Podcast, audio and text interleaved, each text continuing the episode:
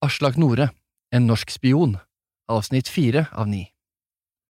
Da hetten ble dratt av meg igjen, var vi kommet inn på en inngjerdet eiendom. Hvor lang tid hadde gått? Ti minutter? En halvtime? Bilen stoppet, vi ble ført ut. Luften var friskere her ute, med anstrøk av dyrket mark. Hvor langt unna sentrum kunne vi være? Rundt eiendommen var det stille, ingen larm fra trafikken eller stemmesurr fra basarene. Jeg kunne høre noen geiter breke før lyden av en elektrisk sag overdøvet den pastorale stillheten. Huset var en etasje, og oppført i hvitfarget sement som umiddelbart ga det en annen eksklusivitet enn andre afghanske hus på landsbygda, som stort sett var bygget med en legering av leire, siv og gjødsel. Inngangen var enkel, uten ornamenter. Lett nervøse tok vi av skoene i gangen og gikk gjennom de svale rommene. Omar Beg satt også denne gangen på gulvet. Han hilste og anviste plass. Beklager hettene, sa han. Det er en sikkerhetsforanstaltning.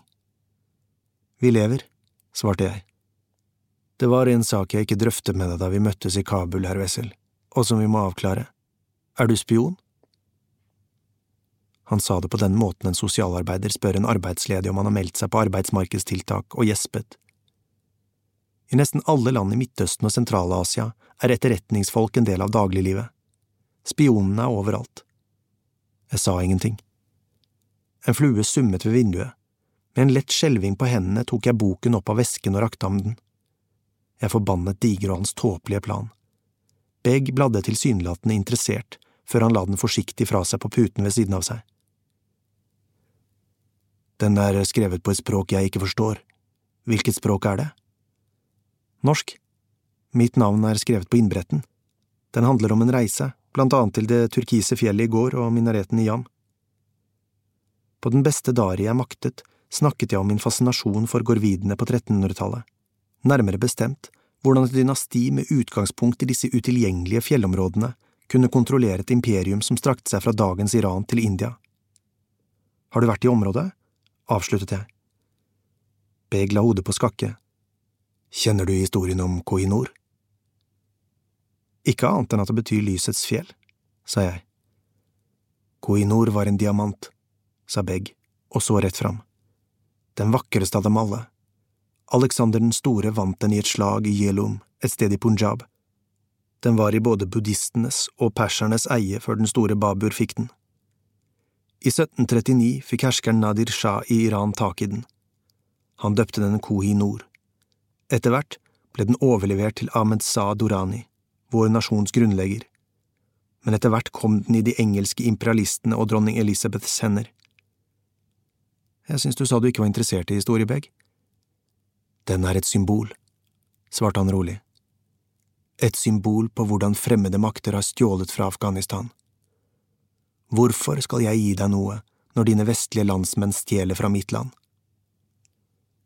Beg smilte lett overbærende og vinket på mer chai, som straks ble båret inn av to unge gutter i hvite drakter. Boken er bare et bevis på mine intensjoner, sa jeg.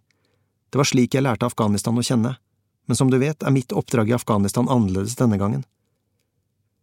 Nå vel, sa Beg. Jeg har tenkt mye på vår samtale, spesielt om hva som kan bedre min forretningsvirksomhet. Du er opptatt av økonomi, sa jeg, og det er bra, men økonomifaget er i store problemer for tiden dets modeller klarer ikke å fange opp endringer i markedene.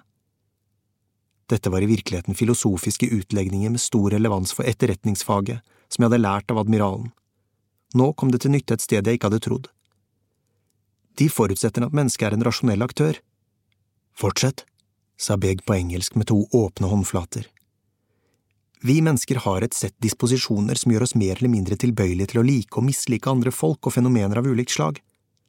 Er du for eksempel en person som setter åpenhet i vid forstand høyt, er du tilbøyelig til å se kulturblanding som en ressurs, ikke en trussel, og motsatt. Poenget er at ut fra alle disse tilbøyelighetene lager vi mennesker fortellinger som samsvarer med vårt verdenssyn. Vi lukker oss mot det vi ikke liker, det er helt naturlig, men det gjør oss sårbare. Vi klarer ikke å tenke rasjonelt. Kort fortalt er det slik økonomifagets rasjonelle aktør blir misvisende. Beg likte tydeligvis det han hørte. Ansiktet hans virket mindre lukket. Det er eh, spennende perspektiver du bringer inn, sa han. Tanker som er lite kjente i mitt land, Jeg er eh, likevel ikke sikker på om det har like stor gyldighet her som i Vesten, for i vår kultur finnes det en fortelling som ikke kan bestrides, som overskrider alle de menneskelige svakheter du ganske riktig påpeker. Det er Guds ord, formidlet til profeten Mohammed i Den hellige Koranen. Jeg respekterer det, svarte jeg. Mot det argumentet kunne jeg ingenting si. Men jeg kom til Herat med et mål, og det er å reise ut til stedet hvor de iranske smuglertransportene går. Irans innflytelse er sterk her i Herat. Flere av de gamle krigsherrene og delstatspolitikerne i Herat bodde i Iran under Taliban. De opererer på en hårfin balanse mellom ISAF, Iran og press fra Taliban-opprørerne. Som du kanskje vet, forsøker Taliban å etablere seg i Nord-Afghanistan gjennom å etablere brohoder fra sine kjerneområder i sør. I vest skjer dette gjennom Herat. Sentralt skjer det over fjellene og gjennom din elskede gård-provins. Han liet svakt på øyelokket. I forrige uke ble politisjefen et sted som heter Shisti Sharif, drept av en veibombe, akkurat som forgjengeren. Det skjer omtrent månedlig. Grunnen? Inderne bygger en dam der. Pakistan saboterer for å skade India. Der stopper deres måte å tenke på. Men så har du Iran. Dammen vil hindre vanntilførsel til områder av Øst-Iran. Det tåler ikke Iran. Det er de som står bak uroen i Chisti Sharif. Ikke reis dit, hvis du har noen pårørende som kommer til å sørge over deg når du er død. Han snakket med den veltalenheten jeg forsto fra hans varemerke, og fortsatte. Det er iranerne som planlegger opptøyer i Hirat. Hva slags opptøyer? Det handler om politikk, svarte Begg. Han fektet engasjert med armene. Alle såkalt religiøse demonstrasjoner i Afghanistan handler om politikk. Hvorvidt det er snakk om korrupsjon i regjeringen, amerikanske droner, eller hvordan en bonde har mistet åkerlappen sin, er likegyldig. Alt er politikk. Men religionen skyves foran. Politikere i Afghanistan og våre naboland har glemt innholdet i islam, hva som gjør vår religion så vakker, så sann. Alt som står igjen, er skitten politikk. Jeg er her for å snakke om de iranske missilene. Beg gikk bort til vinduet og så ut. Han gjorde mine til at Mirwais skulle forlate rommet et øyeblikk. Mirwais labbet ut. Han fortsatte. Jeg har tenkt på din forespørsel og gjort noen undersøkelser av diskré karakter. Den iranske revolusjonsgarden disponerer eiendom i Hazara-bydelen i Herat. I morgen tidlig vil en av mine mest betrodde løytnanter møte deg og ta deg med dit. Betingelsen er absolutt diskresjon. Mine folk vil ta sine nødvendige foranstaltninger på det området. Der vil du kunne dokumentere hva iranerne fører inn i mitt land. Jeg fikk en plutselig følelse av å være nærme målet, en følelse jeg ikke hadde hatt siden Dubai. Min eh, fotograf kommer til Herat i kveld, inshallah, kremtet jeg. Jeg ønsker å ha ham med meg. Beg tenkte et øyeblikk. Så lenge han frivillig underkaster seg mine løytnanters sikkerhetsregime, har jeg ingen betenkeligheter. Har jeg noen grunn til å stole på deg? Det har du naturligvis ikke. Annet enn at din trygghet er i min interesse.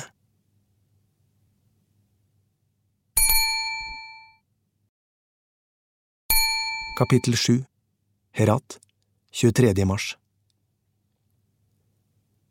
Neste morgen våknet jeg tidlig. Ingen vekkerklokker er like punktlige som en hjerne på alarmberedskap. Kåre sov tungt på madrassen ved siden av meg. Han hadde ankommet hotellet midt på natten, tolv timer forsinket, og forbannet Ariana Airlines, eller Scariana, som han kalte det. Ivana hadde vært på samme fly.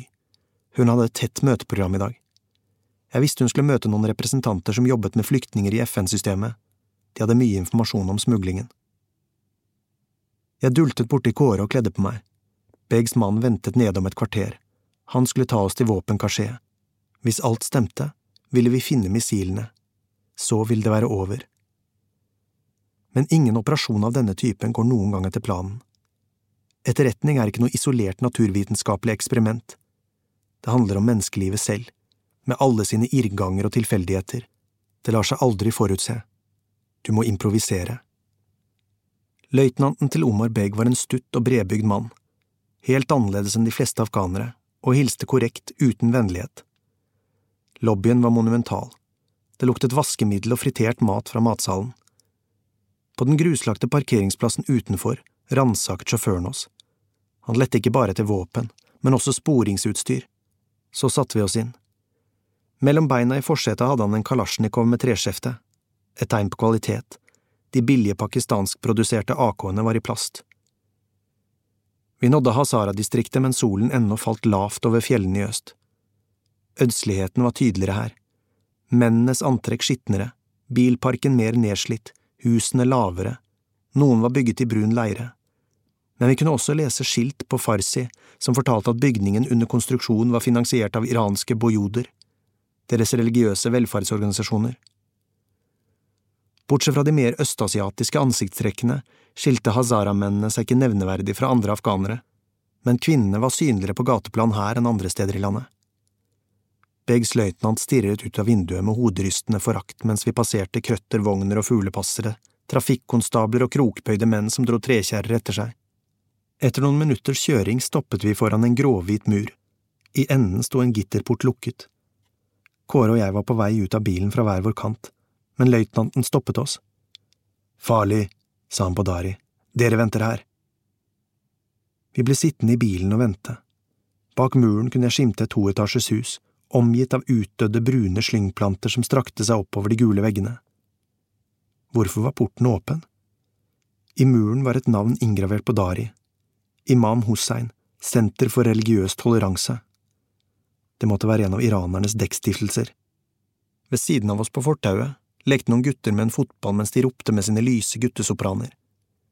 Det virket som hele dagen var gått da løytnanten vendte tilbake. Det hadde gått tolv minutter. Det er tomt, sa han. Jeg har vært rundt. Det har ikke vært noen her på lenge. Vi går inn, sa jeg. Da jeg dro fingeren over sprinklene på porten, ble fingertuppene brune av rust. Løytnanten klipte over lenken til porten. Vi burde ikke være her, tenkte jeg. Vi burde fått backup men det var ikke mulig. Dette var sjansen vi hadde.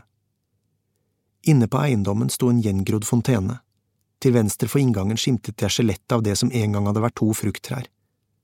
Døren var åpen. Den slo igjen bak oss da vi steg inn i gangen. Det luktet som en vinterstengt hytte, med en eim av støv og sagflis. Entreen var mørklagt, vi gikk videre. Hva slags sted var dette? Foran oss lå et forlatt kontorlandskap av gammel type, med teakfargede bord. På veggene var det ikke et bilde å se, det lå ingenting på bordene bortsett fra noen gamle telefoner med dreieskive. De som hadde brukt dette stedet, måtte ha pakket ned alt de trengte. Det kan ikke være noe her, sa Kåre. Han gikk tilbake til entreen og åpnet en dør som ledet ned en trapp. Et svakt ekko av skrittene våre gjenlød i veggene da vi gikk ned. Redselen kom krypende. Jeg undertrykte den. Vi famlet oss fram i mørket. Jeg har en lommelykt, hvisket Kåre. Løytnanten tok den ikke fra meg. Han lyste vilkårlig rundt i rommet. Det var stort, kanskje ti ganger fem meter. I enden skimtet vi en ny dør. Dit gikk vi. Den var åpen. Hvor var vi? Hva gjorde vi? Holde fokus. Vi var kommet til det innerste rommet i kjelleren. Kåre lyste mot veggene. Murpussen hadde begynt å falle av. Ingenting var å se. Han pekte mot gulvet med lysstrålen. Peter, se her, sa han og bøyde seg ned. Han holdt strålen fra lyset mot et punkt på gulvet. Jeg lente meg mot ham. Ser ingenting, bare et støvete gulv. Se bedre etter. Jeg satte meg på kne. I støvet avtegnet et mønster seg. Det var et avtrykk. Jeg forsøkte å granske det, og da så jeg noen vage initialer. EFP. Du vet hva det er? Det visste jeg godt. Iranske stridsvognminer. I helvete! utbrøt Kåre. Det er flere! Her! Her! Her! Det måtte ha stått mange miner oppstilt her. De graverte initialene måtte ha satt merker i det støvete gulvet. Kåre lyste videre. Det er fotavtrykk her også! Den paranoide følelsen av at noen fulgte med på oss, kom tilbake. Det er innbilning, sa jeg til meg selv. Du skjønner hva som har skjedd? sa Kåre oppspilt. Iranerne har hatt et lager her, i denne forfalne bygningen, og av en eller annen grunn har de stukket av. Døren ned til kjelleren sto på gløtt. Ovenfra hørte vi stemmer. Var det ikke bare løytnanten som skulle være med inn? Jeg snakket lavt. Stemmene kom nærmere. De virket lyse, som kvinnestemmer. Jeg sprang opp trappen. Der sto de to afghanske guttene som hadde lekt utenfor eiendommen. De stirret forbauset på meg. Kåre kom etter. Vi bør gå, sa han, har på følelsen at noen overvåker området. Fikk dere det dere trengte? spurte Omar Beggs løytnant.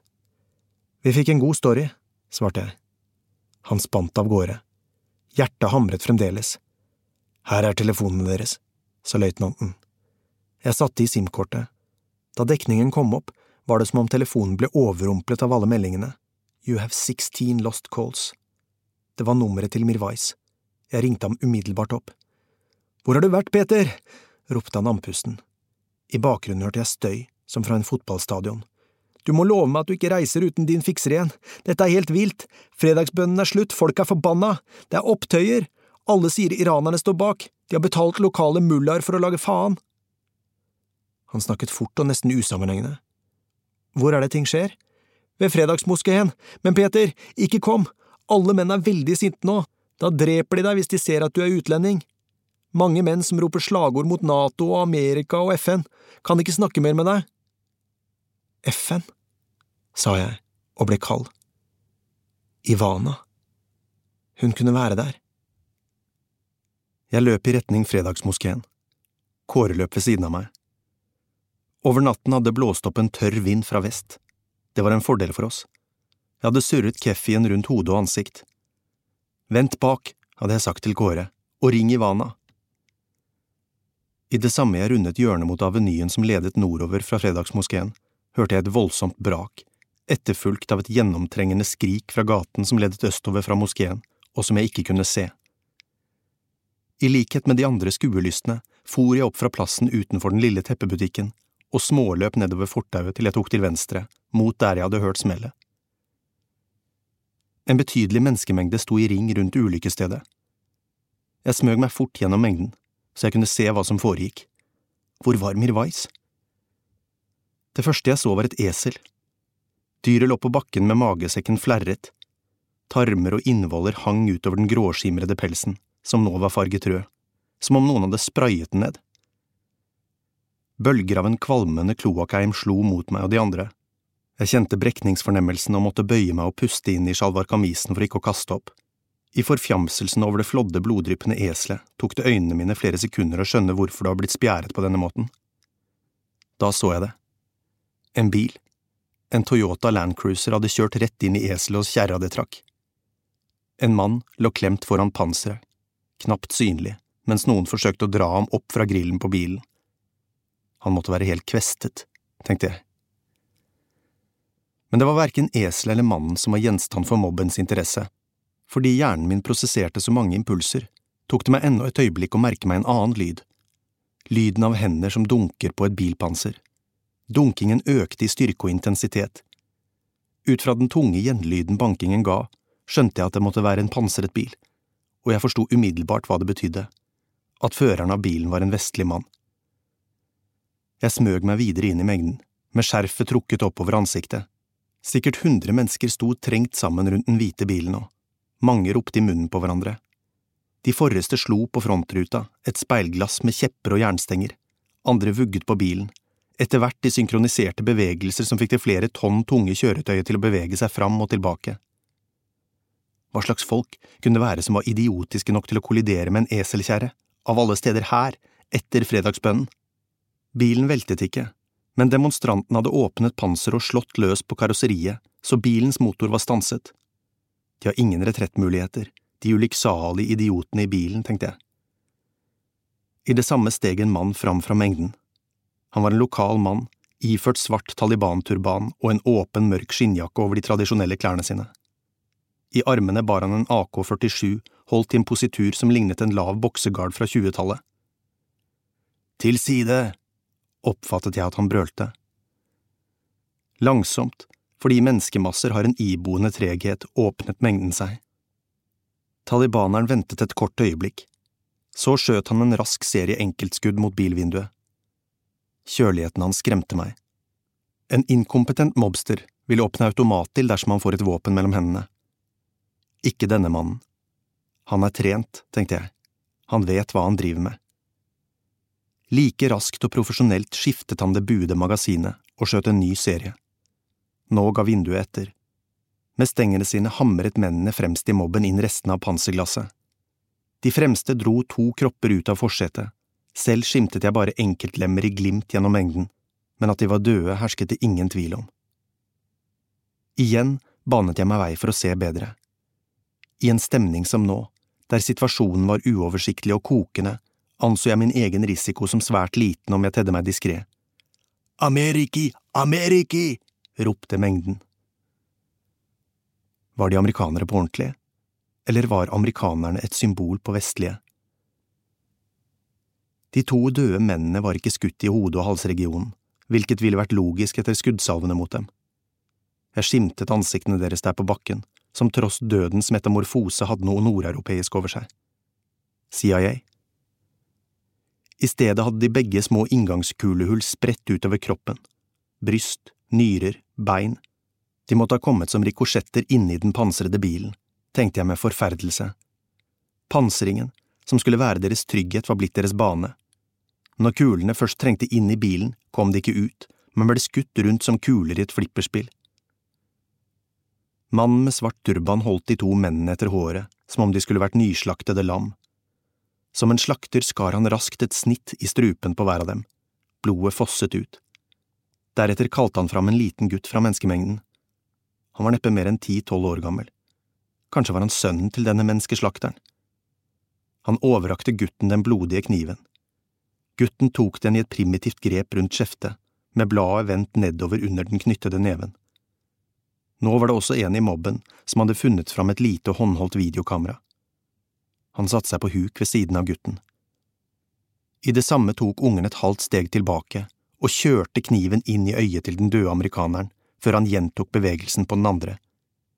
På nytt gjentok han bevegelsen, med stikk mot andre deler av ansiktet, kjeven, nesen, munnen, halsen.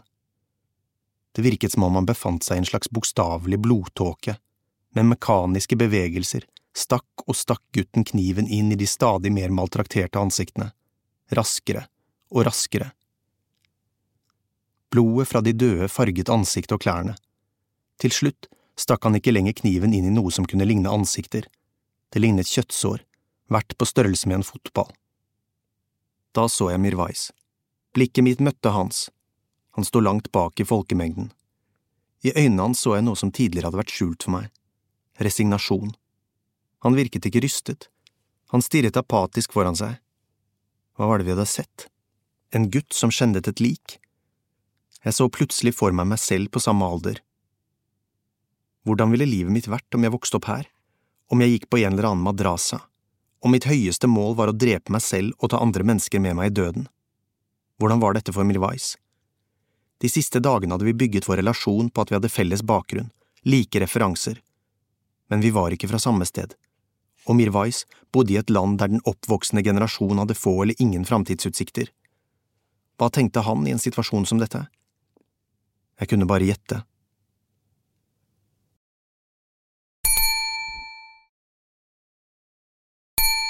Da gutten var ferdig, snudde han seg mot oss, som for å motta applausen. Demonstrantene beveget seg urolig.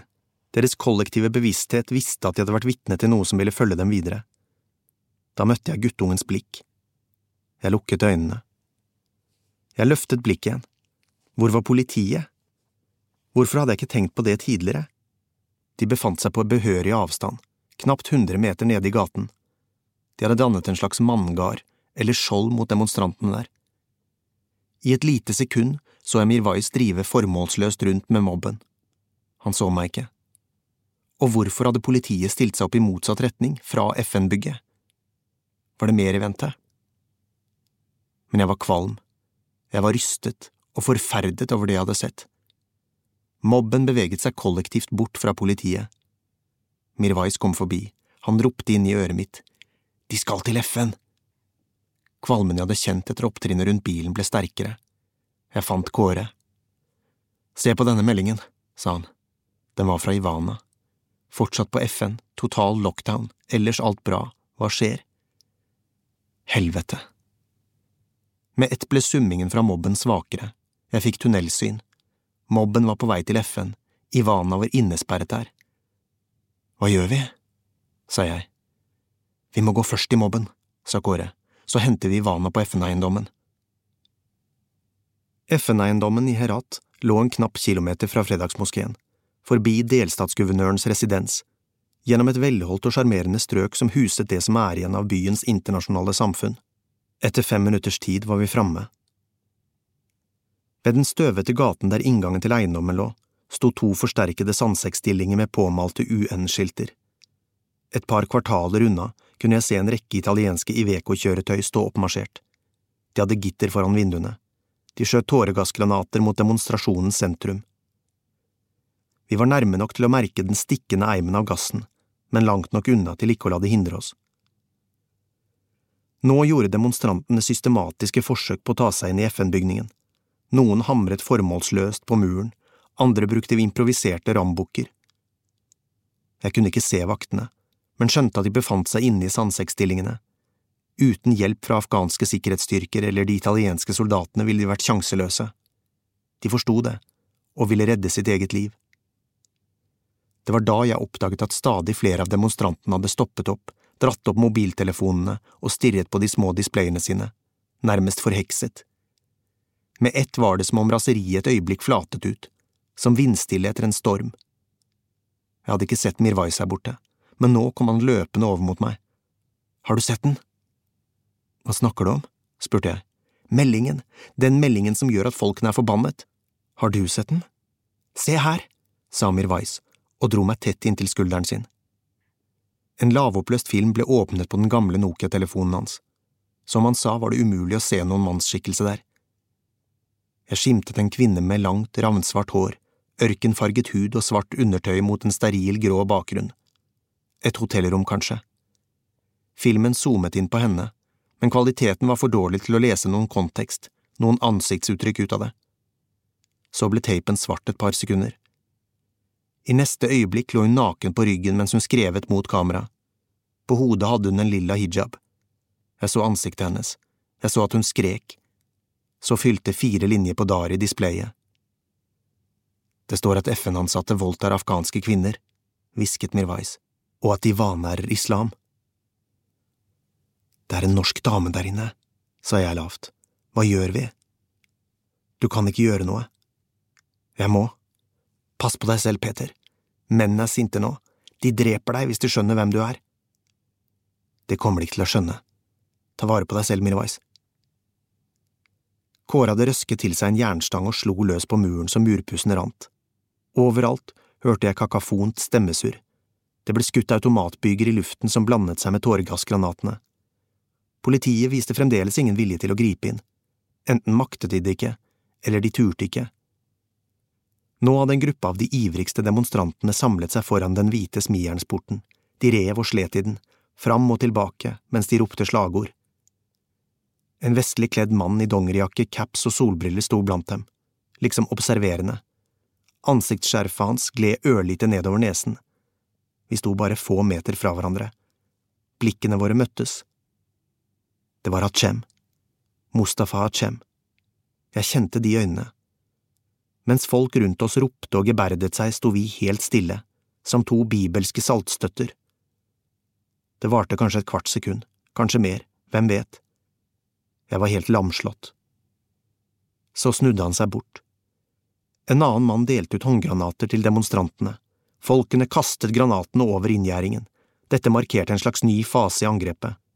Kåre, som til nå hadde stått langt bak, hoppet fram etter det første granatnedslaget. Med et voldsomt drønn og splinter som spratt til alle kanter, ga porten etter. Demonstrantene stormet etter, Kåre og jeg også. Inne i portrommet, for det var en slags sluse med en ny port innenfor, skjøt de ned de to vaktene som hadde stilt seg opp og gikk mot porten som skilte dem mot det indre perimeteret. Mannen med den svarte turbanen skjøt en ny serie mot kjettingspæren. Den åpnet seg. Vi så kulene rikosjettere og at flere av demonstrantene var blitt truffet av streifskudd. Selve bygningen kom til syne. FN-hovedkvarteret var som de fleste institusjoner i Afghanistan et utleid hus som en gang hadde tilhørt en velstående afghaner. Mellom inngangspartiet og murbygningen lå en vakkert planert hage, brutt opp med barokke fontener og gangstier av skifferstein. Demonstrantene stormet over gresset. En blond FN-ansatt kom løpende ut av huset mens han skrek Allahu akbar, Allahu akbar, Allahu akbar! Utlending, skrek en av afghanerne og skjøt ham i hodet. Blodet sto ut av utgangshåret. Strålen var så kraftig at den lignet en hageslange før han falt i bakken, i sitt eget blod. Jeg forsøkte å tenke klart mens jeg fulgte Kåre og resten av mengden videre. Ingen, med mulig unntak av Achem, hadde mistenkt meg for å være noe annet enn en lokal demonstrant. Jeg måtte finne Ivana før de andre gjorde det. For alt jeg visste, kunne hun allerede være død. Mobben hadde revet ned bilder fra veggene og elektronikk fra skrivebordene. Nå var det flere som helte tennvæske utover gulvene. Jeg brøytet meg vei forbi noen av dem i det støvete og røyklagte kaoset og løp opp noen brede trapper til jeg kom til noe som måtte ha vært et oppholdsrom. UNHCR sto det på en plakat på veggen. Et bilde av smilende skolejenter. Den virket malplassert og latterlig midt oppi all volden og ødeleggelsen. Hvor var de ansatte? Var de døde? Nei, da ville jeg fått det med meg. Hadde de kommet seg unna? Etter å ha sett den desperate mannen på plenen utenfor, tvilte jeg på det. Da jeg så en større ansamling utenfor en dør i andre etasje, forsto jeg at det var der de ansatte hadde søkt tilflukt, og jeg skjønte at døren, om den så tilhørte et polstret tilfluktsrom, ikke ville holde mot massenes raseri. Igjen, den infernalske lyden av kjepper og ammo mot stål. Jeg rev Kåre til side og dro ham inn i et hjørne. Dette kommer til å bli en jævla massakre, hva faen gjør vi? Å forsøke å stanse mobben ville være synonymt med selvmord, å redde alle ville være umulig. Vi leder demonstrantene inn og river henne ut, hvisket Kåre. Døren ga etter.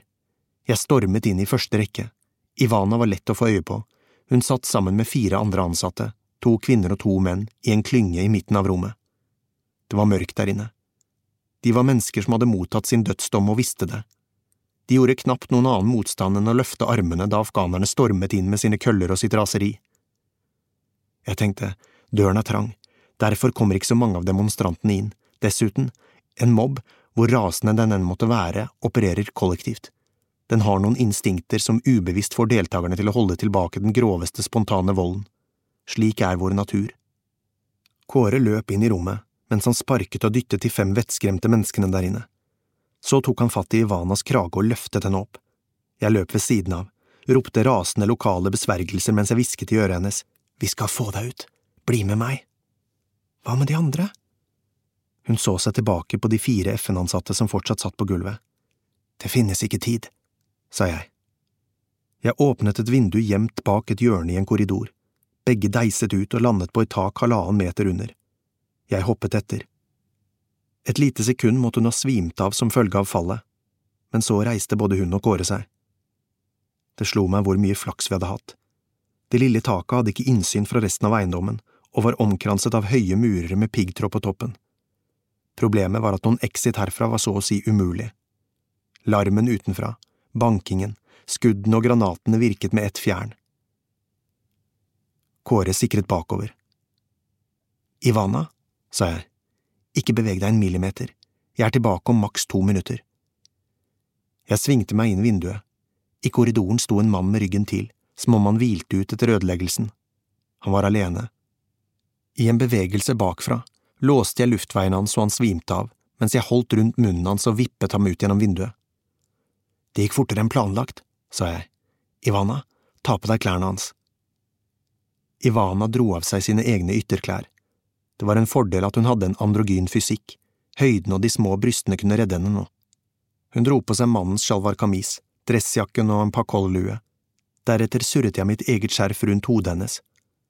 Om hun ikke så direkte mannlig ut, burde det være nok til å komme seg ned og vekk. Så ga jeg fra meg jernkjeppen jeg selv hadde båret. Den bruker du til å ødelegge og slå rundt deg med, kom nå. Kåre hoppet inn vinduet og dro henne etter seg. Det var et kritisk punkt hvis vi ble oppdaget, men inne var det lite folk. Snart forsto jeg hvorfor. Opp fra første etasje sivet tung, illeluktende røyk. Kom! brølte Kåre. Med et kraftig grep rundt håndleddet hans i den ene hånden og hennes hånd i den andre stormet jeg inn i røyken, ned trappen og gjennom gangene der. Synsvidden var kraftig redusert på grunn av brannen. Det var hett. Men vi kom ut, vi løp mellom menneskene i kaoset, anarkiet var vår beskytter nå. Vi løp over gresset, gjennom porten, ingen stoppet oss, ingen kunne stoppe oss, forbi storøyde smågutter og garvede demonstranter, forbi politifolk og soldater, løp og løp, til stedet der Kåre hadde parkert. Vi drar til hotellet, ropte han. Gjør det, sa jeg, og snudde meg for å løpe tilbake dit jeg hadde kommet fra. Hva i helvete driver du med, Peter? brølte Kåre. Jeg skal finne Mustafa Hachem, ropte jeg tilbake, han er her! Kåres øyne lyste av vantro. Det virket som den afghanske hæren endelig hadde bestemt seg for å rydde opp. Kolonner rullet forbi guvernørens residens. Å havne i deres varetekt var det verste som kunne hende meg, i hvert fall det nest verste, nest etter å bli for godt kjent med mobben. Vinden hadde løyet. Menneskene var som et trylleslag forduftet. Da så jeg Hachem igjen. Han gikk med to andre menn ned gaten i motsatt retning, fra der politimennene og soldatene hadde samlet seg. Jeg fulgte etter på behørig avstand. Med ett stoppet han. En bil skrenset mot ham i stor fart, bakdøren åpnet seg, Hachem kløv inn, bilen ga gass ut på den brede flyplassavenyen, i retning sentrum. Jeg småløp etter. I støvskyen etter bilen kunne jeg se at den hadde retning mot guvernørens hovedkvarter. Så var den ute av synsfeltet mitt. Da jeg snudde meg, så jeg to bredbygde menn stå ute i gaten. De stirret mot meg. På min venstre side lå Byparken. Også der kom flere menn til syne fra skyggene bak trærne. Noe var galt. Noe var veldig galt. De fulgte etter meg. Jeg begynte å gå raskt i retning bilen hadde forsvunnet. Jeg hadde ikke sett noen mennesker der. Guvernørens eiendom lå omkring 300 meter nede i gaten. Da trådte to nye personer ut på fortauet. De gikk i samme retning. Jeg stoppet, tenkte. På min høyre side lå noen enkle butikker. Mellom to av sjappene gikk et smug. Det var min sjanse. Inn i smugeløpet. Det var kanskje 30 meter langt, adskilt av to grå bygninger og en to meter høy murvegg i enden. Rett før den loddrette murveggen tok jeg sats, grep kanten med hendene og heiste meg opp. Mine forfølgere var kommet inn i korridoren. De første kulene ble avfyrt. Klatre. Du må klatre videre. De treffer meg ikke løpende med pistol på mer enn maks ti meters avstand. Jeg dro meg over kanten og rullet ned, så jeg landet i en slags komposthaug. Hånden min var blitt lett skadet til fallet, men det var ikke tid til å tenke på det. Bakgården jeg hadde landet i virket som et sted man deponerte varer og skrot. Jeg løp over en gruslagt plass, mot en ny murvegg. Denne var betraktelig høyere. I det samme så jeg den ene mannen, ganske sikkert fra den bilen som hadde fulgt etter meg, karre seg over muren og hoppe ned. Febrilsk grep jeg kanten på muren mens jeg sprellet med beina. En bitende smerte er det neste jeg husker. Den gikk gjennom hele kroppen så det tok meg et sekund å fastslå hvor den kom fra. Jeg var ikke blitt skutt. Underarmene mine hadde boret seg ned i sementert glasskår. Jeg hylte. I øyekroken kunne jeg fortsatt se mannen som fulgte etter meg. Han tumlet over plassen. Bare med den aller største viljeanstrengelse maktet jeg å heise opp kroppen med de blodige hendene. Idet jeg rullet over kanten, kjente jeg de sylskarpe skårene rive opp klærne mine og huden min. Mannen var bak meg nå. Han ville aldri klare å klatre over denne muren. På begge sider hørte jeg bjeffing fra vakthunder. Jeg løp gjennom en ny bakgård, gjennom en improvisert hage der en kvinne hengte opp klær, videre langs en mur, bygget langs en kloakkrenne. I et hjørne bak muren satte jeg meg ned. Først nå merket jeg smertene, som en skuddskadd mann hvis adrenalin eller medisiner har sluttet å virke, famlet i lommene. Jeg hadde fremdeles mobiltelefonen. Den virket ikke. Jeg holdt på-knappen inne lenge, etter det som virket som en evighet kom Nord-symbolet opp. Kåre svarte på første anrop. Det er meg, stønnet jeg. Hvor er du? Jeg vet ikke, men jeg trenger skyss tilbake.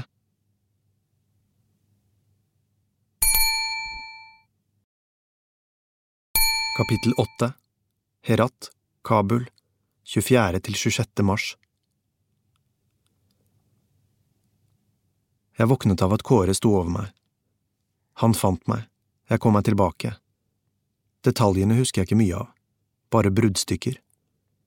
Kåre som står over meg, som drar av meg klærne, som undersøker og pleier meg. Bruddstykker, for jeg falt inn i en dyp, slørete rus et sted mellom våken og sovende mellom natt og dag. Han hadde laget noen improviserte gardiner som gjorde at solen ikke sto rett inn. Han satte seg ned ved siden av meg, helte chai oppi en liten keramikkopp og bar inn en bolle med yoghurt med honning og valnøtter. Det går bra, Peter. Hvor er Ivana? stønnet jeg. Og hvor er Mirvais? Jeg skar en grimase, løftet opp underarmene som var kuttet opp av glasskårene. Du var smart, Peter. Håndflatene dine er like hele. De andre har reist tilbake, jeg ventet på deg. Jeg spiste et par skjeer yoghurt. Du var helt rå i går, sa han. Jeg svarte ikke. Jeg mener det sjukt sterkt. Du også, Kåre. Makkertjeneste, sa han og reiste seg. Faen meg det beste vi har gjort sammen på mange år, Peter. Vi er udødelige når vi vil. Har du hørt om uh, Miguel de Onamono, sa jeg. Det vet du at jeg ikke har. Jeg lå i sengen. Langt borte hørtes bønnen fra en av minaretene. Spansk filosof, begynnelsen av 1900-tallet, sa jeg. Spar meg. Han eh, skriver om religion. Du gjemmer deg alltid bak all verdens filosofer og forfattere for å skjule at du ikke våger å snakke om livet sjøl, sa Kåre. Det er akkurat det jeg skal snakke om, sa jeg. Hør nå. Onamono skrev om forskjellen mellom protestanter og katolikker, om den tragiske livsfølelsen, del sentimiento tragico de la vida. Jeg uttalte tittelen med spansk aksent. Kåre hevet øyenbrynene ironisk. Poenget er at protestanter og katolikker ifølge Onamono tolker Jesus Kristus på ulike måter. For oss er Kristus en moralsk rettesnor for hvordan vi skal leve livet og organisere samfunnet. For katolikkene er han symbolet på udødelighet. Udødelighet? Kåre smakte på ordet. Jeg trodde han likte det. Slik virket det.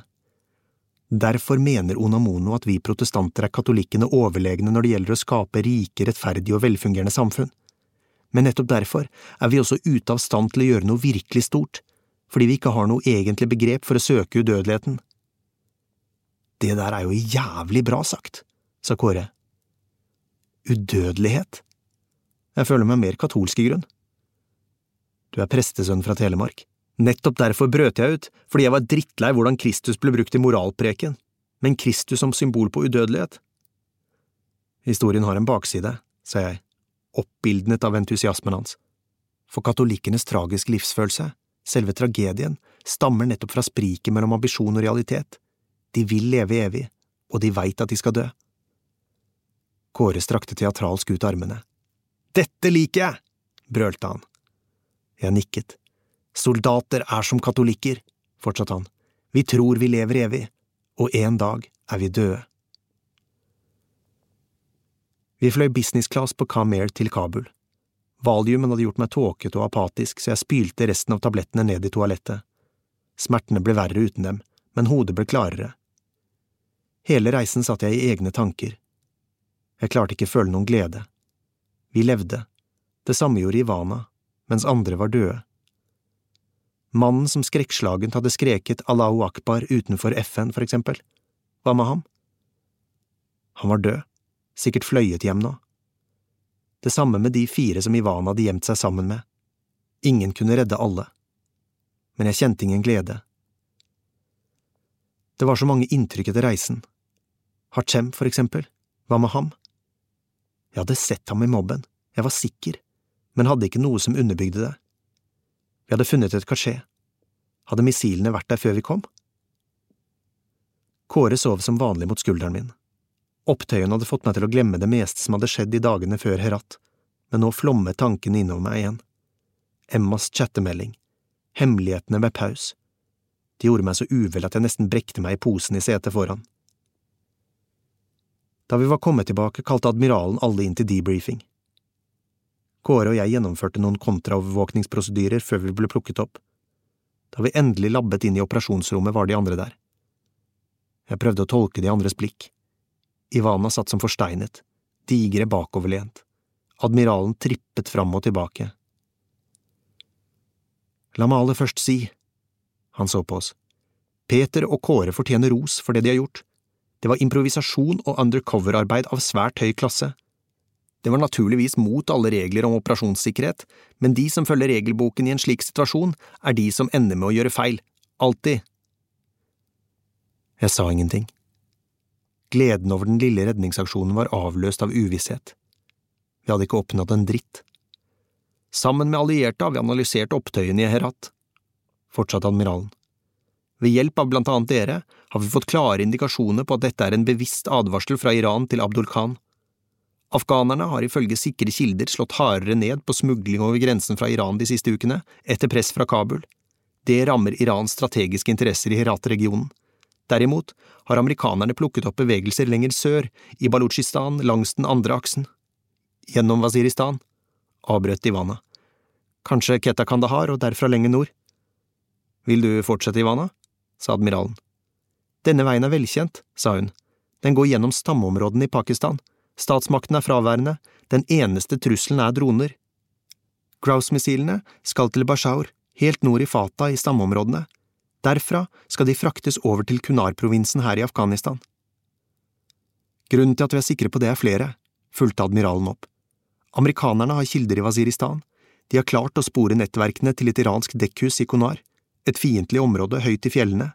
Våpnene skal dit før de fraktes inn til selve operasjonen i Kabul, og det betyr at dere også skal dit, Peter og Kåre. Resten av patruljen settes sammen nå, detaljene kommer så raskt vi vet. Forstått? Vi så på hverandre. Noen spørsmål? En siste ting, sa Ivana. Fyr løs, sa admiralen. Jeg har med all sannsynlighet lokalisert angrepsmålet 13. april. Vi stirret på henne. Norsk politikerdelegasjon. De lander etter all sannsynlighet dagen før og reiser tilbake denne dagen.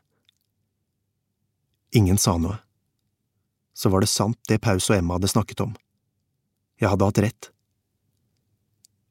Jeg må ta en telefon, sa jeg. Møtet oppløste seg selv, gikk ut for å ringe til Emma. Nå var det sikkert. Kjæresten min var et utpekt mål for en av de verste terroraksjonene i Afghanistan på mange år. Ivana fulgte meg ut.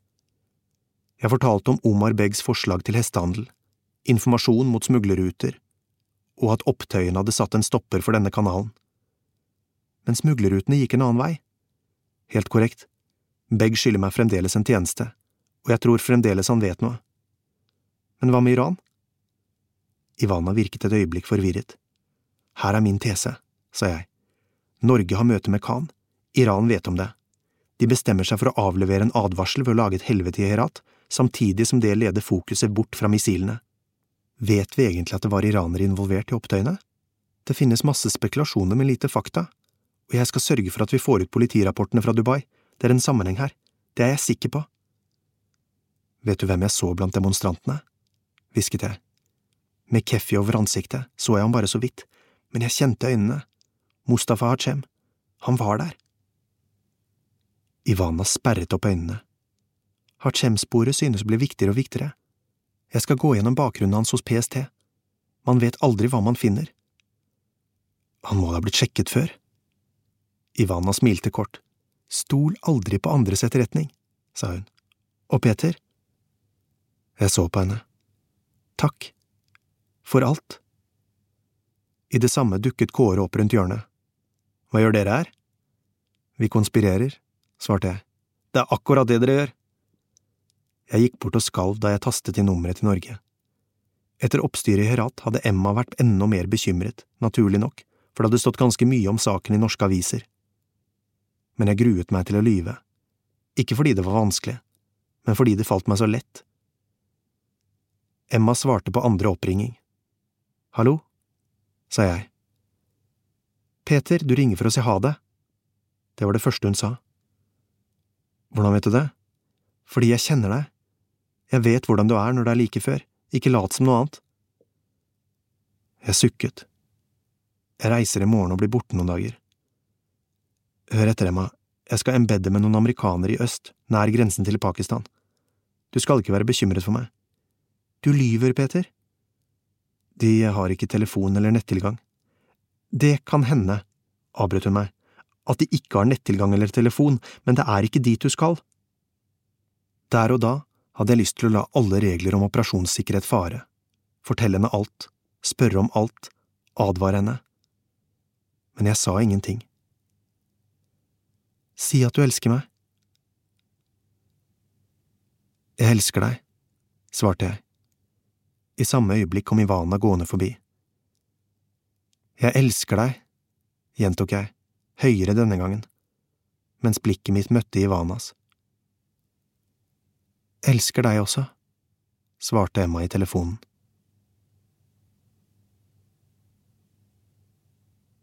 Kafiristan, tredje del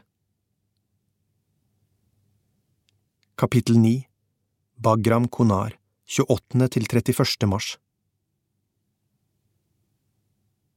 Reisen til fjellene begynte på Bagram Airbase. Den lå én time nord for Kabul, ikke langt unna Panjshirdalen, der mujahedin hadde ledet jihaden mot de sovjetiske okkupantene. Stupbratte fjellskrenter, farget i grått, rust og kaki, omringet oss på alle kanter, med disige og majestetiske snøtopper over. Admiralen hadde plukket oss opp i Kabul. Digre satt i forsetet mens han speidet mot veikanten etter IED-er, Improvised Explosive Devices, veibomber. Kåre så mot skulderen min med åpen munn. Da vi nærmet oss basen, passerte vi først landsbyen med samme navn, før vi passerte den første sperringen med afghanske politifolk, siden et nytt sjekkpunkt bemannet av lokale kontraktører. Etter flere hundre meter gjennom et ingenmannsland møtte vi en ny hindring, der noen nervøse reservister fra US Army hadde tatt oppstilling. De sjekket ID og forhørte seg om vår kontaktmann i leiren før de vinket oss gjennom. Digre admiralen tømte våpnene. Etter tre kontrollposter var vi inne. Kåre ristet på hodet. Veien delte seg i to, og vi kjørte til venstre langs flystripen, mens lyden fra helikopterrotorer og jetmotorer overdøvet all samtale i bilen. Ved enden av flystripen kunne vi se de store russiske hangarene som ble bygget under forrige krig, og svingte over på en vei som het Disney Drive. Navnet bidro til munter stemning i bilen da Kåre leste det. Fartsgrensen var seven miles per hour. Det var en by. En uvirkelig by. På begge sider av veien lå noen lavt graderte militære installasjoner, samt Burger King, KFC, Pizza Hut, skreddere, vaskerier, kafeer og PX-butikker der man kunne kjøpe elektronikk og alskens tollfritt militærkit. De konteinerformede bygningene og teltene var lave og pregløse. Har du sett én amerikansk militærleir, har du sett dem alle. På samtlige kanter strømmet folk mot samlingsstedene. Overvektige kontraktører, amerikanske garnisonssoldater, serveringsdammer fra Thailand og Filippinene. Admiralen fant en parkeringsplass mellom noen V-formede monsterkjøretøy han kalte MRAP, som forfra lignet førerhuset på en trailer, og som ifølge ham var amerikanernes forsøk på å beskytte seg mot veibombene. Men det fungerer bare delvis, la han til. Slik er våpenkappløpet. Når amerikanerne justerer, gjør opprørerne det samme. På vei gjennom leiren rakk Kåre og jeg å bli strukket to ganger, først for å snakke til mobiltelefon, siden for å gå uten refleksbånd. Det var en jævla rekruttskole. I Afghanistan hadde jeg holdt meg så langt unna militærleirer jeg kunne. Det var et personlig anliggende. Jeg hatet leirene. Jeg hatet PX-butikkene med elektronikken, fleecegenseren og militærkitten. Jeg hatet kantinene med den friterte maten og gratis cola. Jeg foraktet de overvektige, uvitende stabsrottene som drev rundt der. Amerikanerne er helt ute når de forlater statene, de er bedre på hjemmebane, sa Kåre og ristet på hodet.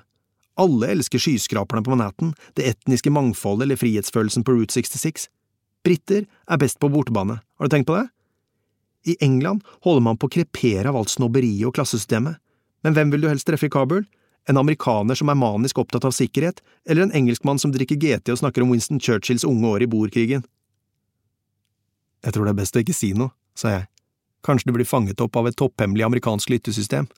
Høhø, eller en drone? Men du skjønner hva jeg mener? Hvor mange folk holder til i denne leiren? 27 000 mann, har jeg hørt. Og ganske mange damer, sa jeg. Aborter og kjønnssykdommer er et stort problem. Men hvor mange av disse trailercamp-folka har noensinne vært utafor leiren?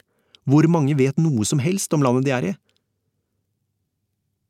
Like etter kom Digres enorme figur til syne, vi gikk over den singelakte plassen der vi ble møtt av en paramilitær amerikansk adjutant med ID-kort rundt halsen, som ledet oss inn på en avgrenset base for amerikansk etterretningspersonell og spesialoperatører. Ved siden av Digre gikk en mann jeg syntes jeg hadde sett tidligere. Dette er eh, Robin Rafaelsen, sa Digre. MJK, Alfaskvadronen. Han blir med oss innover i fjellet. Han var et par år yngre, i slutten av tjueårene kanskje og hilste på oss med en viss sjenanse og reservasjon jeg ikke umiddelbart visste om var hovmodighet eller ærefrykt. Sammenlignet med oss var det noe militært ved mannen, som selv ikke marinejegernes antiautoritære anarkisttilbøyeligheter kunne utviske.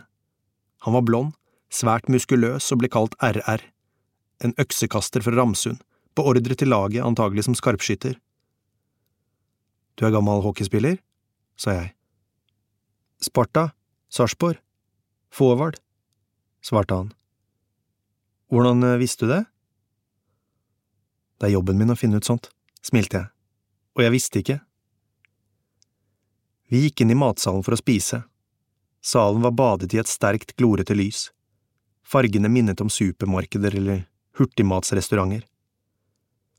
Hvor er det blitt av gratis Dr. Pepper? ropte Kåre ved kjøleskapet. Eller hva sier du, Rafaelsen? Hva tenker du om amerikansk kulturimperialisme i Afghanistan? Kutt ut, Kåre, sa Digre. Jeg er skeptisk til det, jeg òg, sa Rafaelsen alvorlig og så på Kåre. Jeg kødder ikke, fortsatte Svalastoga. Hva er det de kaller det nå, human terrain, kultursensitivitet, cultural mapping? Nå skal vi forstå sivilbefolkningen i Waziristan, liksom, my ass. Du kunne like godt bedt stammefolkene der forstå kulturen som skapte Paradise Hotel eller Dagens Næringslivs fredagsmagasin. Digre og jeg smilte skjevt. Kåre var i gang nå. Jævla droneskytere, har ikke amerikanerne alltid sugd når det kommer til etterretning? Kalde krigen, krigen mot terror, samme faen, spiller ingen rolle. Det er bare fadeser og fiaskoer. Til slutt finner de en nisje, omtrent like vanskelig som det er å vinne speedbåt-VM for Røkke og Gjelsten, eller å vinne VM i seiling for kongen om du har spenn nok. Hva er det?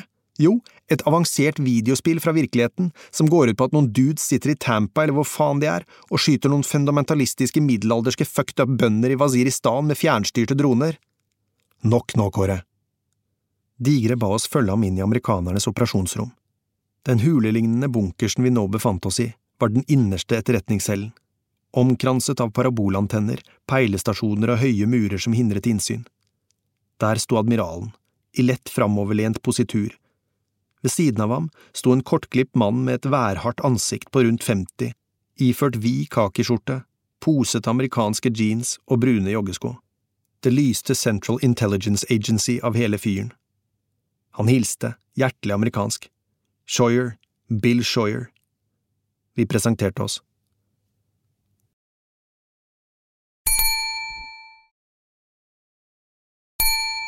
Dere er gamle marinejegere, konstaterte han. I was young and needed the money, svarte Kåre. Godt svar, sa amerikaneren. Dere må hilse guttene i Ramsund. Gode folk, gode gutter. Vi har dem stadig på besøk til Virginia. Dere har kanskje vært der? Kåre gikk i gang med å fortelle noen gamle røverhistorier, men ble avbrutt. La meg aller først gratulere med en god jobb så langt. Vi har fulgt deres bevegelser siden Dubai. Dere har møtt motstand, men utvist imponerende styrke og kløkt. Som dere vet, er Al Qaida under sterkt press for tiden. Dette, kombinert med fokuset på ulike sunni-ekstremister, gjør dem svakere. Samtidig har vi klare beviser på at samarbeidet med iranerne gjennom Quads Force blir tettere. Der kommer deres funn inn i bildet.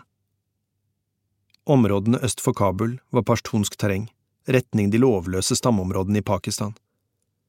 Det var denne regionen Taliban og andre militante brukte som oppmarsjområde. Det var også her restene av Al Qaida befant seg. Konar-provinsen er et episenter for styrker som er fiendtlige til Vesten, fortsatte Shoyer. Både Haqqani-nettverket og styrkene til Golbodin Hekmatayar har baser i området. Det var temmelig paradoksalt at nettopp en CIA-mann foredro om farene akkurat disse to opprørerne medførte. Det var de selv som hadde bygget dem opp. Shoyer ga en kortfattet innføring i den merkverdige Haqqani-familien, som kom fra den pashtunske Zadran-stammen i landets sørøstlige del, og fra sine baser i grenseområdet hadde stått for de mest spektakulære aksjonene i Afghanistan de siste årene. De utgjorde et privat og velfinansiert terrorforetak, anført av far Jalaluddin Haqqani og hans to sønner Sirajuddin og Badaruddin, samt flere slektninger som takket være farens arabiske koner også hadde tette bånd til militante grupper på den arabiske halvøya. Nettopp derfor var det alarmerende at det gikk fram at Iran også hadde dekkhus i dette området. Lenge hadde vestlige tjenester antatt at den tradisjonelle historiske motsetningen mellom sjiamuslimene i Iran og sunnimuslimske ekstremister ville forhindre samarbeid dem imellom. Men i Midtøsten og Sentral-Asia betydde ideologiske motsetninger ofte mindre enn formålstjenlige allianser. Politikken her var en bazar eller zukk, som det het, og nå var det iranerne som hadde det beste tilbudet. Med ett kom et overvåkningsbilde opp på det ene lerretet.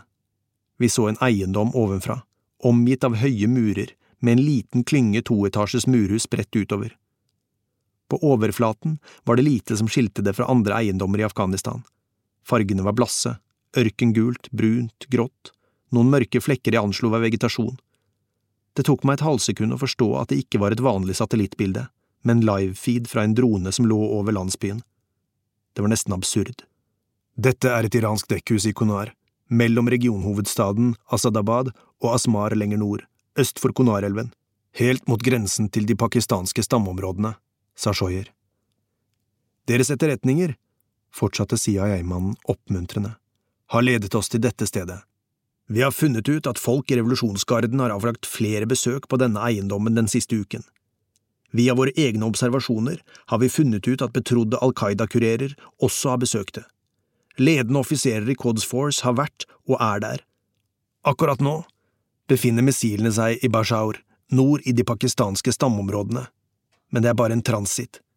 Troverdig etterretning sier at denne eiendommen er stedet hvor Grouse-missilene skal oppbevares, før de fraktes videre mot Kabul og eventuelle angrepsmål. Eventuelle angrepsmål, tenkte jeg. Har luftangrep blitt vurdert? Det var admiralen som spurte. Selvsagt, men risikoen ved et konvensjonelt luftangrep er for høy, skjøt Shoyer inn. Vi må minimere sivile tap der vi kan, krigen er for upopulær blant den afghanske befolkningen. Hvorfor ikke droner? spurte Digre. Flere grunner, svarte Shoyer. Vi må gå kirurgisk til verks. Selv om droneangrep er presise, medfører de ofte collateral damage, men den viktigste årsaken er denne. Han holdt hendene opp foran seg, som om han holdt en fotball i dem. Å følge Grouse-missilene uten at iranerne vet at vi er på sporet, kan gi oss en helt avgjørende innsikt i hvilke organisasjoner og nettverk iranerne bruker som medhjelper i kampen mot vestlig innflytelse i Afghanistan. Poenget er derfor at missilene skal uskadeliggjøres, men de skal uskadeliggjøres uten at våre motstandere vet at de er ødelagte. Dermed kan vi følge dem videre mot Kabul. Vi skal finne folkene som står bak dette. Jeg forsto umiddelbart hva han hadde i tankene ved å desarmere missilene uten at våre motstandere forsto hva som skjedde, kunne Shoyer og hans folk rulle opp hele iranernes nettverk inn mot Kabul. Det var i teorien en god plan, men for oss var den mye farligere. Dere kjenner sakskomplekset?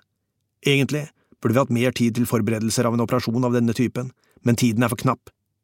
Å foreta en helikopterinnsetning et sted som Konar innebærer naturligvis en betydelig taktisk risiko, så stor at fallskjerminnsetning har blitt vurdert, men vi har landet på at helikopter er det beste. The Night Stalkers i 160-skvadronen flyr uansett, de kan lande på et frimerke. Ingen vet hvor lenge iranernes missiler vil være up for grabs, og dine menn? Han pekte på admiralen, siden på Kåre og meg. Har den nødvendige kompetansen med manpads, er ikke det korrekt? Det er korrekt, sir, sa admiralen. Den paramilitære mannen stakk hendene nonsjalant i lommen mens han labbet rundt i briefingrommet. Mer presist er oppdraget dette. Om 48 timer vil dere bli fløyet fra Bagram til landingsområdet i Konar. Selve landsbyen er strengt bevoktet, noe som gjør den utilgjengelig med helikopter. Derfor er vi helt avhengige av en operasjon med få folk og lite støy. Landingspunktet vil bli satt en natts marsj unna. Deretter vil dere gå til fjellene over landsbyen der dekkhuset er, og etablere en operasjonspost. Det blir utgangspunktet for å gjennomføre aksjonen. Han så på oss. Shoyer brettet opp ermene og lente seg over bordet mot oss. Han hadde klubbete underarmer med synlige blodårer. Dere skal infiltrere eiendommen og uskadeliggjøre Grouse-missilene i henhold til planen om at motstanderen ikke vet det. Shoyer holdt et kort foredrag om missilene. De ble fraktet i avlange våpenkasser, som foruten selve missilene inneholdt utskytningsrør, batteri og en separat avtrekkermekanisme. Er oppdraget forstått? spurte Shoyer. Det er forstått, sa vi i kor. Shoyer gjorde tegn til å gå. Lykke til, gutter, vi følger med på deres bevegelser. Tiden frem til avmarsj ble vi satt i karantene. Foruten å spise lå vi mesteparten av tiden på feltsenger mens vi leste og så TV-serier. Jeg pløyde gjennom et par Grisham-romaner og en sesong Breaking Bad. Første natt ble det skutt hjemmelagde krumbaneraketter mot leiren, og vi måtte sette oss i shelter før vi fikk gå tilbake. Men det største problemet var larmet fra flyene. Jeg hadde ikke hørselvern. Hele natten lettet og landet transportfly og droner av alle slag. Den første natten, etter jeg hadde ligget og stirret opp i telttaket i timevis, sto jeg opp og kledde på meg. Leiren var mørk og truende. Jeg listet meg opp på taket av konteineren. Natten var klar og kald, som en aprilkveld i Norge. Fra taket kunne jeg se over de skjermede inngjerdingene. Noen hundre meter borte hadde en Hercules landet. Rekker med soldater steg av. Det måtte være hundrevis, kanskje flere. Og da skjønte jeg størrelsesordenen i det jeg var med på. Her satt jeg, i mørket, og så på én troppetransport som nesten tilsvarte Norges samlede mannskapsbidrag til landet. Fjellene lå tause og mørklagte bak. Det var imperiet jeg så. Hva var det jeg var med på? Jeg hadde aldri kjent meg så liten. I et av rommene på basen hadde amerikanerne bygget opp et tre ganger tre meter stort topografisk modellkart over området, med husene i dalen, innebygde høyder og senkninger i landskapet. Veggene var tapetserte med satellittbilder og livefeeden fra overvåkningsdronene. En amerikaner viste oss en komplett datamodell over veien fra OP-en ned til iranernes eiendom i 3D, basert på kart og satellittbilder. Der kunne vi kjøre gjennom ruta ned til missilene som gir dataspill, også med eventuelle bad guys. Det var uvirkelig, akkurat som den amerikanske byen inne i basen på Bagram. Digre skulle være patruljefører, og jeg kunne ofte se ham stå inne i operasjonsrommet i mange minutter mens han gransket terrenget. Planen var å finne et sted i de stupbratte fjellene som omkranset husklyngen vi kunne observere fra. Når Magnus Digre var spent, kom en rynke til syne i den solbrune pannen. Skepsisen mot ham hadde langt på vei forsvunnet. Hans væremåte forekom meg ydmyk og nedtonet, på den måten genuint maskuline menn oppfører seg, de som alltid har stått på toppen av snøhaugen i friminuttene, ulikt dem som prøver å være macho. Siden dro vi til våpendepotet for å kvittere ut våpen. Digre mente vi trengte to kraftige lagsvåpen, i tillegg til individuell ildkraft. RR hadde som mange marinejegere en svakhet for en 338 Lapua Windmag. Det var en flatskytende skarpskytterrifle med god effekt på langt hold, som derfor egnet seg godt i en OP. Den var lett, og brukte samtidig kraftigere 859-ammo, som ga den kraft og presisjon. Vi trengte også et lett maskingevær som Kåre skulle bære, og valget falt på en belgisk Minimi. Digre og jeg hadde hver vår HK 416K med 40 mm granatutskytningsrør under. Svakheten var munningsflammen, men den var lettere å bære. Alle mann hadde hver sin pistol, i mitt tilfelle en USP 9 mm med lyddemper til å ta ut eventuelle vaktposter og bikkjer. Hele laget rakk å skyte inn våpnene, deretter øvde vi kontaktdriller, det kom fort tilbake. Til sist gjennomførte vi øvelser hvor vi gjorde inntrengninger i eiendommer som skulle ligne iranernes. Siden Kåre og jeg som etterretningsoperatører var spesielt trent i denne kunsten, der man ikke skulle løsne skudd eller legge igjen spor av noe slag, ble det bestemt at vi skulle desarmere missilene mens Digre og RR skulle sikre oss med skarpskyterrifle fra OP-en. Vi var klare. Men du kan bare delvis forberede deg til et oppdrag, for alle oppdrag lever sitt eget kaotiske liv. Solen var gått nedover fjellene i vest da vi endelig vagget krokbøyde mot helikopteret den fjerde dagen. Klokken var åtte på kvelden. Det var et perfekt innsetningstidspunkt. Med all kit veide jeg over 150 kilo, nesten 70 kilo mer enn vanlig men jeg trengte tankene tilbake, for det var ikke lenge til vi skulle slippes av og bære det tusen høydemeter. Digre gikk først. Han var så svær at utstyret ikke virket å tynge ham. Under vesten og stroppene hadde han på seg en afghansk sjalvar kamis og pakol vadmeslue, som sammen med skjegget ga ham utseendet til en sagakonge eller en vill stammehøvding. Bak ham gikk RR, deretter fulgte Kåre og til sist jeg. Kroppen var ennå doven, for de siste dagene hadde jeg sovet minimum tolv timer om natten og spist fire til fem tusen kalorier om dagen. Fem egg og bacon, fruktmysli og yoghurt, ostesmørbrød og en liter juice til frokost, pasta med gratinert kjøttsaus, enchiladas og fritert catfish til lunsj, indiske gryteretter med basmati-ris og biff med gorgonzolasaus og potetmos til middag, etterfulgt av amerikanske ostekaker og pecan pie, og pizza og taco til kvelds. Noe annet enn high carb funker ikke når man skal gå langt. Men det fysiske var én ting. Håndflatene var såre og leddene verket fremdeles etter herat, men det er som å være stiv og uggen før en femmil, det går over når du kommer i gang. Men jeg visste ikke om det jeg hadde sett der ville gå over like fort, den lille gutten i blodrusen, Vil jeg noen gang glemme ham? De vettskremte FN-ansatte, den blonde mannen foran bygningen med blodsprut ut fra bakhodet. Det er menneskelig å glemme, trøstet jeg meg selv, men det er også menneskelig å bære traumene med seg. Rotorbladene på Blackhawken virvlet opp så mye sand og støv at vi måtte snu oss bort da vi nærmet oss. Sanden i Afghanistan var overalt. Krokbøyd løp jeg de siste meterne bort til helikopterluken. Jeg satte meg på et sete ved siden av Kåre. Spente fast setebeltet som satt stramt over skuldrene og rundt livet, i en hempe på brystet. Satte på meg headsetet og kontrollerte at det virket, så tok jeg på meg nattoptikken, løftet tommelen i været. Helikopteret lettet fra bakken, først rett opp som om det ble løftet opp av en heisekran. Det sto stille i luften mens det gynget som en skute på opprørt hav, før det la over på siden og skar innover i mørket. Selv om vi skulle rett østover, mot Konar, fløy vi sørover mot Kabul for å villede eventuelle spottere. Kabul og Bagram ligger på et høylandsdelta på kanten av fjellkjedene som senere blir til Kashmir og Himalaya. Piloten forsøkte å fly på kanten av det karrige flatlandet, bare brutt opp av brune åkerlapper, kjerreveier og uttørkede elveleier. Det var første gang jeg ble fraktet av 160th Special Operation Aviation Regiment, bedre kjent som Night Stalkers. Det var en legendarisk avdeling, som satte inn spesialstyrker uansett vær- og trusselvurdering. Som sivile operatører fikk vi sjelden nyte godt av deres tjenester. Foruten de to pilotene hadde helikopteret et M60 maskingevær foran til venstre, samt en baksikrer som dekket høyre side. Kåre og jeg satt ved siden av hverandre, med ansiktet mot Magnus Diger og RR. Helikopteret fløy taktisk, hvor det tilpasset seg terrenget så vi ikke skulle være synlige fra bakken så lenge. Flere steder lå vi så nærme bakken at jeg var overbevist om at en plutselig forhøyning i bakken ville betydd slutten. Andre steder åpnet det seg dype daler så det føltes som vi svevde i løse luften. Når helikopteret svingte, ble vi hengende i selen og stirret ned på åkrene gjennom den grønnskimrende nattoptikken. Kåre virket lystig og full av faen. Luften var hans rette element. Jeg husket fortellingen om da han snørte på seg skiene og hoppet i fylla i en bakke i Telemark. Naturligvis skamslo han seg, men folk som ham var annerledes skrudd sammen enn oss andre, de likte smerten. Jeg lo høyt, men latteren hadde alt forsvunnet i drønnet fra Blackhawken. Jeg lukket øynene og forsøkte å duppe av. Etter noen minutter i luften forandret naturen seg.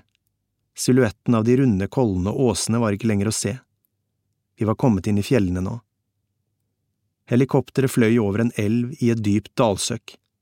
I mørket så jeg frådende skum gjennom den gråmørke vegetasjonen. Ten mic to landing, hørte jeg på øret. Repeat, landing in ten mic. Helikopteret hadde gjort to falske innsettinger for å forvirre eventuelle motstandere. Da det steg opp etter andre forvirringsmanøver, fikk vi endelig meldingen vi hadde ventet på. Prepare for landing in five mic. Med ett skar helikopteret ut av dalbunnen. Det gikk brattere oppover en fjellside, før maskinen liksom svevde i løse luften. Jeg skimtet vagt noen snøkledde fjell langt unna. Vi fløy over noe jeg antok måtte være en skog. Trær. Jeg hadde knapt sett noen trær i Afghanistan, bortsett fra et og annet frukttre, men Konar skulle være et grønt og frodig område. Med ett kom en liten lysning til syne under helikopteret, som senket seg ned på den trange sletten. Go, go, go! ropte loadmasteren. Vi reiste oss og vagget bort til åpningen. Vi skrittet ut, jeg kjente bakken. En surklende myk gresslette helt forskjellig fra ørkensanden ellers i landet. Luften kjentes som den var fem grader kaldere her oppe enn i Bagram, men også frisk og fuktig, som Vestlandet i regnvær. Og jeg la ansiktet mot bakken et halvsekund i ren lykke, før jeg la våpenet mitt oppå sekken og ble liggende og sikre i min retning.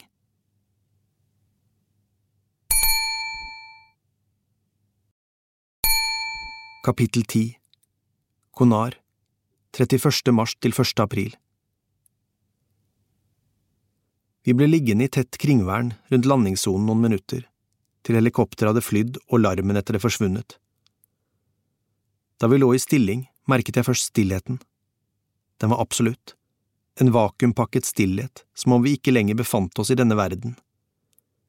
Mens jeg justerte nattbrillene, kjente jeg på det omsluttende mørket et totalt mørke som lå rundt oss. Landingen var et kritisk punkt i oppdraget. Ingenting tydet på at innsettingen hadde blitt oppdaget. Vi beveget oss bort fra landingssonen noen minutter, da Digre kommanderte Holt. Samling her, hvisket han. Krumbøyde samlet vi oss rundt ham. Digre fant fram et elektronisk kart og navigeringsutstyr. Selv om vi alle hadde gjennomgått ruten på forhånd og gikk med individuell GPS på underarmen, viste han oss den tentative ruten gjennom terrenget. Vi befant oss i et dalsøkk og skulle opp på fjellet, hvor vi måtte etablere OP-en over iranernes dekkhus, kalt India 1. I luftlinje var avstanden latterlig kort, i overkant av fem kilometer. Første del bør være grei, sa Digre lavt, og fant fram et ekte kart som han førte den store pekefingeren sin over. Stedsnavnene var skrevet med kyrillisk skrift, de beste militære kartene i Afghanistan var fremdeles russiske. Nå befinner vi oss her. Han markerte en avsidesliggende dal, omringet av fjellformasjoner. Vi skal først opp en kneik og gjennom et lite pass. Deretter kommer vi til å gå på høydedragene i utkanten av en bebodd dal. Spar krefter på dette strekket, formante Digre, for deretter skal vi opp på selve fjellplatået, over det, til utkanten av dalen der India 1 ligger. Der etablerer vi oss. Jeg sjekket GPS-en. Vi befant oss på 2200 meters høyde. Digre så rundt seg. Nå er klokken åtte. Vi har nøyaktig ni timer på å etablere oss i OP-en. Den ligger på 3100 meters høyde. Vi har ikke mer enn tida og veien. Pakning på! Foruten de to personlige våpnene og sekken, lastet med ammunisjon, proviant, spade, kamuflasjenett, Gore-Tex-klær, Devold superundertøy, optiske nattkikkerter, spotterskopp for skarpskytteren, Ayungilak soveposer, antibac, våtservietter og andre hygieniske artikler var Kåre som sanitetsmann, torniké til å stoppe blødninger, antibiotika, morfin, infeksjonsvæske og masse annet utstyr. Hver mann hadde internsamband og satellittelefon til å kommunisere med omverdenen. Vi hadde også med en del spesialutstyr for selve inntrengningen på eiendommen, blant annet sko med saueskinnsåler for ikke å lage lyd. Gore-Tex lagde for mye støy. Men det verste var at vi måtte bære vannet selv, delvis i en camelback som sikret at vi holdt oss hydrerte, og delvis i vannkanner i sekkene. Snøsmeltingen hadde begynt, og elvene rant skummende og strie gjennom fjellene i landet på denne tiden. Det var som om Digre leste tankene mine. Ok, gutter, drikk så mye vann dere kan nå, så heller vi ut vanntankene. Vi skal krysse et par elver på vei oppover, så vi kan fylle på mer der. Jeg drakk til jeg ble kvalm og tømte kannene. Så begynte vi å gå. Alle hadde på seg nattbriller. Det ga oss en stor fordel i møte med opprørere, men vi mistet dybdesynet. Jeg hadde undervurdert hvor vanskelig det var å gå langt med dem uten trening, og sjanglet av gårde. RR lot ikke til å være det minste plaget av det. Som marinejeger hadde han trening i det. I likhet med de andre hadde jeg på meg sjalvar kamis med superundertøy under. De posete klærne viste seg umiddelbart å være et klokt valg, de var luftige og komfortable. Det var helt vindstille og natten var stjerneklar som nede på Bagram, bare så uendelig mye klarere og sterkere på grunn av mangelen på lyskilder.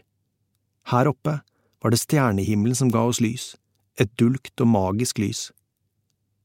Jeg skimtet silhuetten av de andre. Vi var små mennesker, fjellene var majestetiske, himmelen uendelig. Vi så ikke enkeltstjerner, men hele galakser, og den renskårne opplevelsen av å være langt fra sivilisasjonen blandet seg med synet av satellitter og den ujevne summingen fra dronene. De voktet oss. Hvordan ville det være å leve med dronelyden over seg hver dag? Folkene i dette området gjorde det. Det kuperte, gresskledde slettelandet ble avløst av ur da vi tok fatt på veien opp mot det første fjellpasset vi skulle gjennom. Stien gikk sikksakk på en grusete vei mellom kampesteinene oppover fjellsiden, men det var ikke spesielt bratt. Hele første etappe gikk forbløffende lett. Det var som om spenningen og adrenalinet fraktet oss oppover, som doping eller smertestillende. Blant spesialsoldatene var det naturlig nok vanlig med bloddoping og andre prestasjonsfremmende midler når de skulle på oppdrag, for hvem brydde seg vel om sivil moralisme når det handlet om å overleve? Poenget med dopingen var at det tok tid før den funka, så vi var rene. Men det betydde ingenting. Jeg følte meg som en maratonløper med dagsformen inne, som en birkebeiner over fjellet, på melkesyregrensen hele tiden, men aldri over. Vi nådde det første passet på under en time, i et trangt juv som ikke målte mer enn fem meter i bredden, kommanderte digre stopp. RR, Kåre og jeg satte fra oss utstyret og kikket oss rundt. Konturene av fjellene på begge sider sto som mørke bygninger, og vi kunne skimte den noe lysere himmelen bak og foran oss, både der vi var kommet fra og dit vi var på vei. Der nede, hvisket Dire ved siden av meg, ligger en landsby, den er ikke stor, hundre mennesker maks, ser du? Gjennom den kornete, grønne nattkikkerten kom en utydelig klynge svarte prikker som egentlig var huleåpninger til syne akkurat der dalbunnen begynte å helle oppover i den sørvendte åssiden. Den lå omtrent rett forut, 1200 meter unna. Digre sjekket linkene fra overvåkningsdronene som overvåket trafikken. Det ga en følelse av total kontroll, før den ble erstattet av noe annet. Hvordan passerer vi uten å bli oppdaget av bikkjer eller geiter? spurte jeg. Det var asymmetrisk krigføring i et nøtteskall. Høyteknologiske fiender kunne man lett få øye på og bekjempe, men ikke gjetere eller hunder. RR foreslo å gå i sirkel høyt over dalbunnen, en betydelig omvei, men langt tryggere. Hva er det for noe piss? Det var Kåre som meldte. Det er risikoreduksjon, sa RR. Kåre satt framoverbøyd på en stein like ved oss. Digre, hva slags folk er det egentlig du tar med deg på oppdrag, folk som ikke klarer å gå stille gjennom dalbunnen? I en lynsnar og lydløs bevegelse reiste Digre seg, hoppet bort til der Kåre satt. Med en stemme full av undertrykt sinne hvisket han, Kåre Svalastoga, vi er inne i en jævla vanskelig operasjon med vital betydning for norske interesser. Vi skal snart tilbringe dager og netter sammen på ti kvadratmeter. Det siste vi trenger, og da mener jeg det aller siste, er drittslenging mellom noen av oss. Nå sier du unnskyld til RR. Jeg vil ikke høre ett negativt ord til fra deg.